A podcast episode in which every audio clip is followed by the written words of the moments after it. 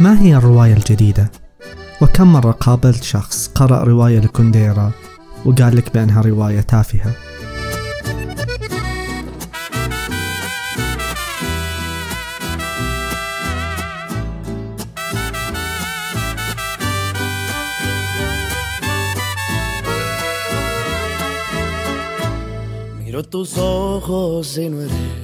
أنا حسين الضوء وهنا الكنبة الصفراء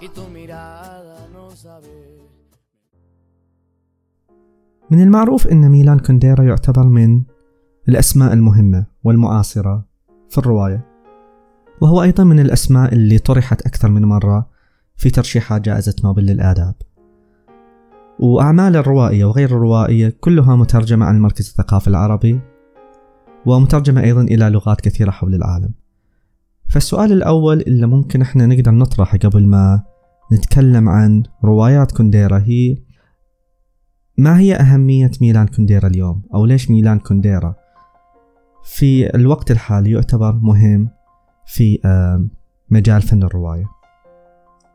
تكمن أهمية ميلان كونديرا بالنسبة لي على الأقل في أن في قدرته على التكلم أو الكتابة في مواضيع سياسية في الرواية دون أن تصنف الرواية على أنها نقد سياسي.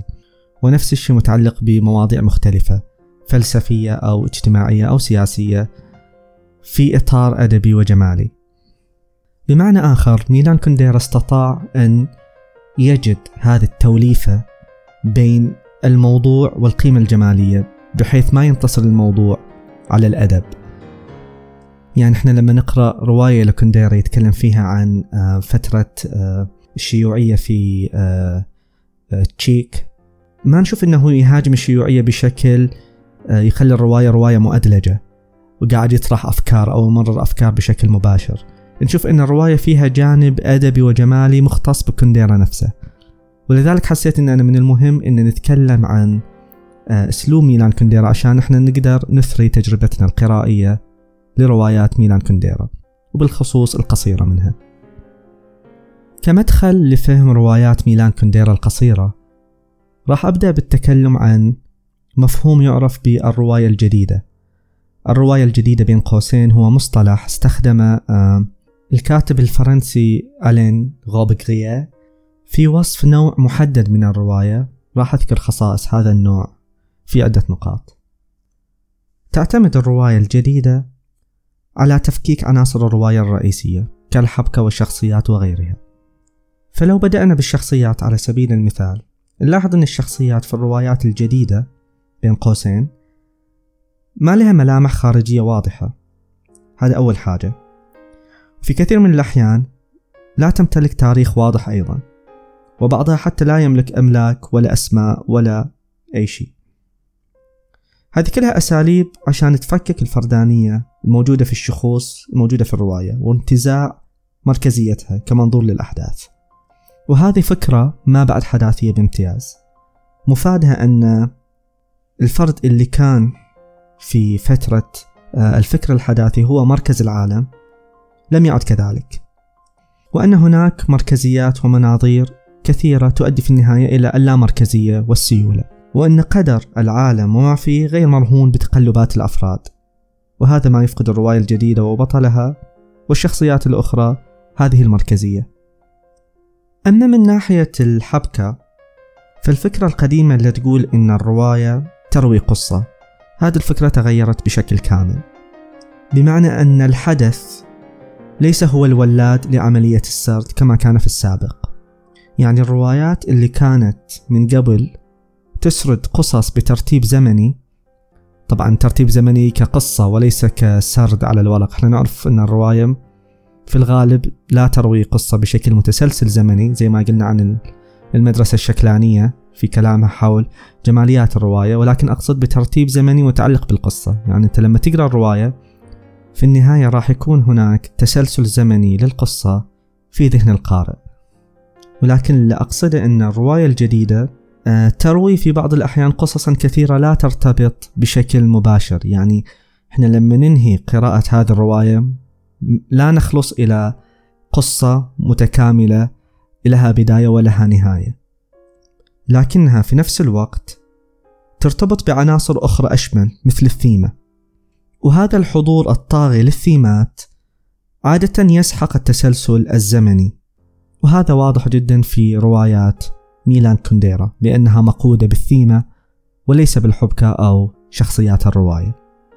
تعقيب على هاتين النقطتين المتعلقة بتفسخ الحبكة والشخصيات وهي أن تفسخ الشخصية في الرواية لا يعني بالضرورة غياب وجود شخصية. وهذا نفس الشيء ينطبق على تفسخ الحبكة.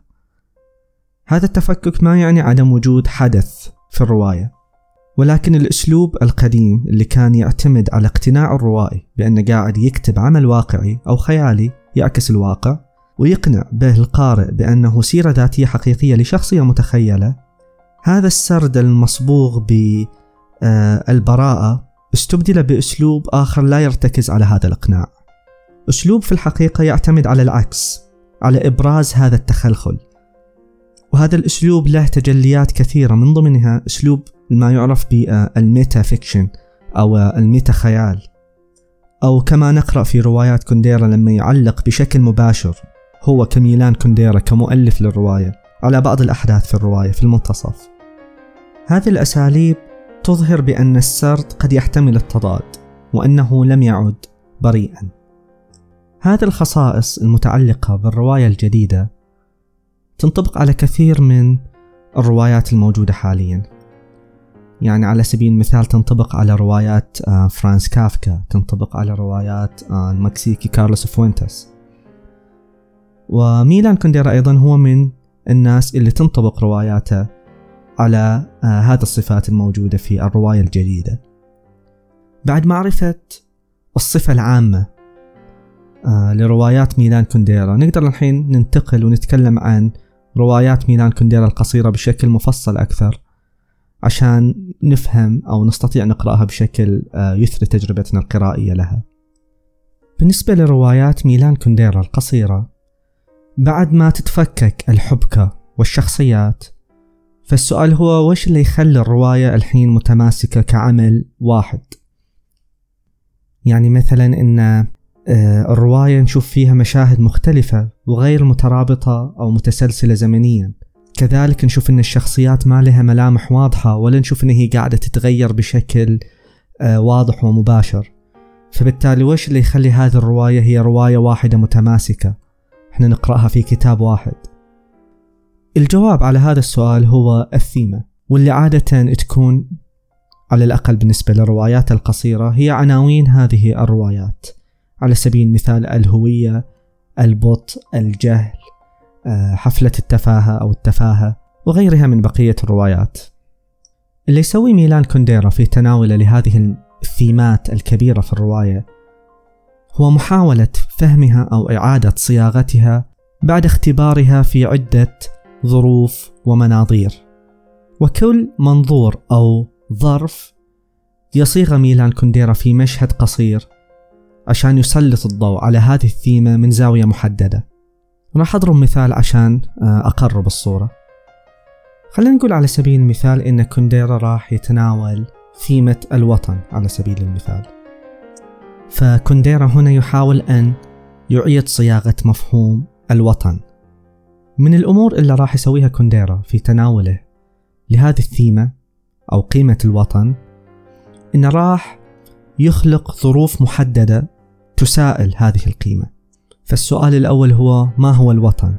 يعني يمكن أول جواب يجي في بالنا هو المكان الذي ولدنا فيه. فالسؤال آه، الثاني راح يكون مثلا طيب لو واحد ولد في مكان بس ما عاش فيه أبدا وعاش في مكان ثاني؟ فيمكن الجواب راح يكون بأن الوطن هو المكان اللي آه، قضيت فيه أكثر وقت على سبيل المثال. فكونديرا مثلا راح يطرح طيب لو شخص مثلا عاش 30 سنة ولكن كل خمس سنوات عاش في آه، دولة محددة يعني عاش في ست دول. فواحد مثلا يمكن يقول المكان اللي كون فيه صداقات أكثر. هني نبدي نشوف أن هناك علاقة بين الوطن وبين العلاقات الاجتماعية إذن. طيب ما هو مفهوم الوطن لشخص آه، ولد وعاش وتربى في مكان ولكن هذا المكان رفض أن يعطيه الجنسية؟ ما هو موقف هذا الشخص من هذه البلد؟ وما هو مفهوم مفهومه للوطن؟ شخص آخر على سبيل المثال أمه تعيش في آه، بلد معين والأب يعيش في بلد آخر. هو بالنسبة له ما هو الوطن؟ هل هو المكان الذي يعيش فيه أمه تعيش فيه أمه أو الذي يعيش فيه والده؟ أو المكان اللي هو يعيش فيه. فإحنا نلاحظ أن هذه الأسئلة كلها تحاول أن تعيد صياغة مفهوم الوطن مرة أخرى. واللي يسويه كونديرا هو أن ياخذ جميع هذه السيناريوهات ويضعها في مشاهد قصيرة بحيث أنها تسلط الضوء على قيمة الوطن. وتشوف إذا في علاقة محددة بين الوطن وبين مفاهيم أخرى كالأمومة على سبيل المثال أو العائلة أو الصداقة. أو أي شيء متعلق بالسياسة مثلا شخص على سبيل المثال وقع في حب امرأة تعيش في وطن آخر هل هناك أحاسيس مختلفة تجاه ذلك الوطن؟ آه، أو مثلا نقول شخص آه، يشعر بالحنين أو النوستالجيا تجاه مكان دون آخر هل هذا المكان بالنسبة له يعتبر وطن دون الآخر؟ كل هذه الأسئلة تسلط الضوء على الوطن من زاوية مختلفة فإحنا لما نقرأ الرواية ككل. عادة نحن قاعدين نقرأ قصص أو حبكات غير مرتبطة بشكل مباشر بمعنى أن الشخصيات الموجودة في حبكة في الحبكة الأولى لا تلتقي بالشخصيات الموجودة في الحبكة الثانية. ولكن هناك رابط بين هذه الحبكات وهذه القصص والمشاهد وهو الثيمة. وهذا اللي يخلي الرواية وحدة متماسكة هو الثيمة وليس الشخصيات أو الحبكة. وهذا اللي قصده في وجهة نظري ميلان كونديرا لما قال في آه هي جملة قالها كونديرا يعني أكثر من مرة ولكن يمكن أشهرها كانت في مقابلة له في آه آه صحيفة ال Paris Reviews. يقول بأن الرواية التي لا تكشف جانبا من الوجود هي رواية غير أخلاقية. أنا أتوقع اللي يقصده كونديرا بجانب من الوجود هو مثل هذه آه، الثيمات أو القيم اللي يتناولها في روايات القصيرة. يعني لما يتكلم عن الجهل هو يحاول أن يفهم ما هو الجهل. يعني مثلا آه، زي ما راح نشوف بعد شوي آه، بعد شوي لما أتكلم عن رواية الهوية وش معنى الهوية بالنسبة للإنسان؟ هذه الروايات بعد ما تطرح هذه الأسئلة وتصيغها في مشاهد مختلفة وتحطها في ظروف مختلفة أيضا بعد قراءة كل هذا إحنا يصير عندنا تصور ومفهوم أوضح لهذه القيمة. فعادة بعد إنهاء أي رواية لميلان كونديرا راح نشعر بأن يعني إذا استخدمنا مثل هذا المنهج في قراءة روايات ميلان كونديرا راح نشوف بأن هناك صارت خارطة ذهنية في في آه، في ذهننا. بمعنى أن هناك آه، الثيمة الرئيسية على سبيل المثال الهوية وبنشوف تحتها تتفرع آه، زوايا ومناظير ومشاهد متعلقة بهذه الثيمة. على سبيل المثال راح نشوف مثلا الهوية وتحتها الجانب الجسدي. وش علاقته بالهوية؟ على سبيل المثال الجانب النفسي. وكل واحدة من هذه العناصر يتفرع تحتها مشاهد كثيرة ذكرت في الرواية متعلقة بالمنظور اللي تنتمي إليه. راح أستخدم رواية الهوية لميلان كونديرا كمثال يعني راح أحاول أني أقدم آه، استعراض أو قراءة آه، سريعة. باستخدام نفس هذا المنهج ونشوف كيف برزت الهوية في ظروف ومناظير مختلفة وكيف زاد هذا الشيء من فهمنا لقيمة الهوية. ما راح أستعرض آه، الحبكة لأن أتوقع أن هي ما هي بذيك الأهمية آه، وراح أتركها للناس اللي ودها تقرأ الرواية أن هي تتعرف على الحبكة بشكل أكثر ولكن راح أركز على أو راح بس أقول أن الرواية عبارة عن أو متعلقة بشخصيتين لهم جون مارك وزوجته شانتال. وكيف اثنينهم تعاملوا أو يعني برزت ثيمة الهوية في في المشاهد اللي ذكرها ميلان كونديرا في هذه الرواية. عندنا أول نقطة متعلقة بالهوية في الرواية هي الجانب الجسدي. الجانب الجسدي وعلاقته بالهوية برز في عدة مشاهد أو عدة آه، مواطن في الرواية. النقطة الأولى المتعلقة بالجانب الجسدي وعلاقته بالهوية تناول كونديرا عبر تقييم المرأة لوجودها الاجتماعي عبر معيار انجذاب الرجال لها. هذا برز في الرواية بوضوح لما شفنا كيف شانتال كانت كان عندها هاجس الاهتمام بمظهرها. ودائما تتنبه إذا كان الرجال يلتفتوا لها في الشارع لما تمشي أو لا. وهذه النقطة أسهب فيها كونديرا بشكل عام. آه، عبر حبكة جانبية متعلقة بقصة اللي هي شانتال مع الحبيب السري والوهمي اللي كان يرسل لها رسائل. وكيف هذا الشيء أثر على آه، نظرة شانتال لنفسها. إحدى الزوايا الثانية اللي تناولت الرواية عبرها مفهوم الهوية من خلال الجسد هو الجنس. وإحنا نعرف دائما إن كونديرا يعني نادرا ما يكتب رواية وما, يت... وما يتعلق إلى موضوع الجنس. وبتصوري يعني الجنس مهم جدا في روايات مثل روايات كونديرا لأنها لأن الجنس يعتبر شيء فطري في الإنسان ويساعدنا أن إحنا نفهم أنفسنا سواء من من خلال النواحي النفسية أو الجسدية بشكل أفضل. زي ما راح نشوف في هذا النقطة على سبيل المثال. نشوف كيف دا أن كونديرا استخدم الجنس في هذه النقطة في علاقة الجانب الجسدي بالهوية عبر الربط بين الهوية ولحظات الخصوصية. يعني إحنا نعرف بأن الجنس يعتبر من أكثر الأمور خصوصية لدى الأفراد. إحنا نتكلم عن شيء لا يتم إلا خلف أبواب مغلقة. فالسؤال هنا ما علاقة الهوية بهذه الخصوصية؟ يعني السؤال هو متى نكون أقرب لحقيقتنا؟ هل في اللحظات اللي نكون فيها لوحدنا أو لما نكون بين الناس؟ وهذا السؤال يحاول أن ينتزع تأثير أو التأثير الاجتماعي على هوياتنا نحن. الجانب الآخر المتعلق بالهوية في الرواية هو الجانب النفسي. واستعرض أو ربط كونديرا بين هذا الجانب والهوية عبر عدة زوايا. الزاوية الأولى متعلقة بالأحلام اللي كان يشوفها آه، جون مارك له زوج شانتال. واللي كان فيه خايف من أن تتحول شانتال زوجته إلى شخصية أخرى. والهاجس الحقيقي في هذا هو خوف جون مارك من أن يعتقد بأن حياته كانت مجرد كذبة بأنه كان يعيش مع شخص ويتبين له في النهاية بأن هذا الشخص هو شخص لا يعرفه. فتصير حياته اللي عاشها من قبل لما يتذكرها كلها غير منطقية و... وكانها يعني بكل بساطة هي كذبة. في مشهد آخر من هذه الأحلام كان عن حلم جون مارك بزوجته وأن هناك عجوز يحاول أن يمحو هوية شانتال عبر محو ذاكرتها. فهذا المشهد نشوف فيه أن هناك ربط بين الهوية وبين الذاكرة. يعني إحنا نقدر نسأل نفسنا لو واحد كان فاقد لذاكرته هل يستطيع أن يتعرف على هويته؟ يعني أو ما معنى الهوية بالنسبة له؟ ونلاحظ في الحلم أن هناك مقاومة دائمة من شانتال آه، لهذا العجوز. عشان ما يمحي ذاكرتها. وكأن يعني محو الهوية آه، محو الذاكرة هو محو للهوية وموت فعلي. ينتهي بتشكيك الفرد في حقيقة وجوده بأكملها. من الزوايا الأخرى أيضا التي ذكرت في الرواية والمتعلقة بالجانب النفسي وعلاقته بالهوية هو ذكر شانتال الدائم لفكرة أنها تمتلك وجهين واحد منهم للعمل والآخر للأهل والمقربين. وكانت دائما تقول بأن هذا الشيء يخليها في صراع دائم مع نفسها.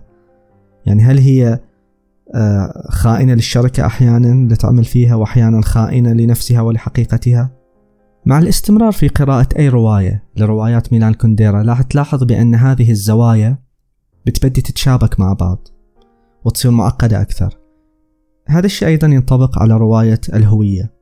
يعني لما نوصل إلى نهاية الرواية نشوف أن التشابك بين زوايا العمل المختلفة حول مفهوم الهوية صار واضح. نشوف على سبيل المثال كونديرا يتناول آه، دور الآخرين واستخدامهم كأداة لمعرفة أنفسنا مثل ما بين عبر آه، الجانبين الجسدي والنفسي. فعلى مدى الرواية إحنا نشوف إن دائما إحدى الشخصيات اللي هي جون مارك يستخدم الآخرين كمرآة تعكسه أو كذاكرة بمعنى أدق ذاكرة لماضيه اللي يشكل خطا متصلا ينتهي بهويته اللي يعيشها في الحاضر.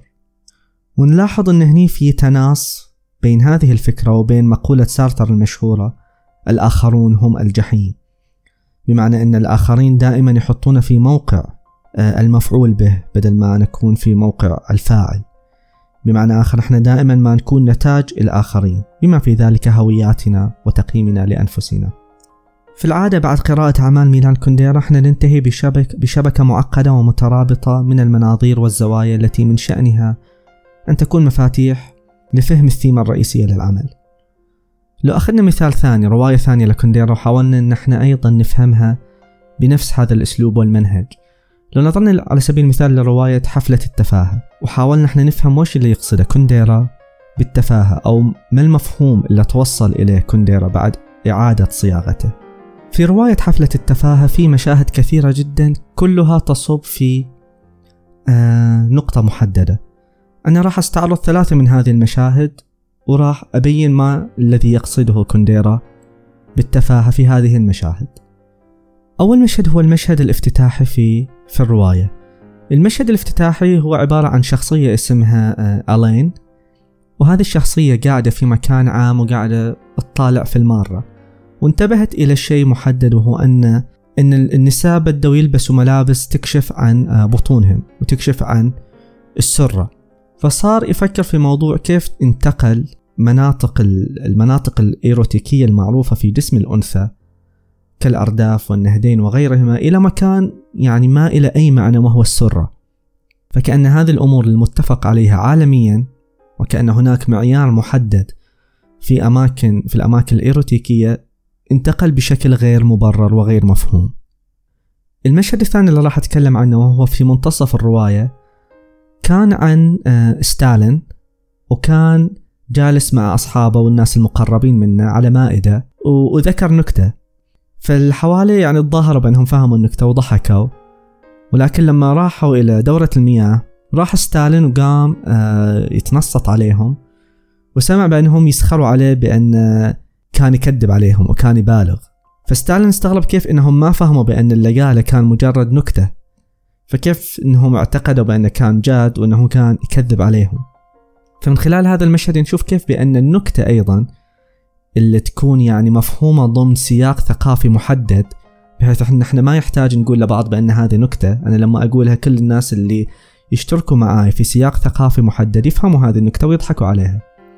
لكن ستالين مو بس الناس اللي وياه في السياق الثقافي بل حتى المقربين منه ما فهموا شيء مثل النكتة ومتى المفروض يضحكوا. أما المشهد الثالث فكان في صياد يطلق رصاص آه، عنده بندقية وأطلق الرصاص على تمثال ملكة فرنسا آه، دوميديسي وهذه الرصاصة تقتلع أنفها. هذا المشهد يبين بأن الناس في تلك اللحظة ما فهموا تصرف الصياد.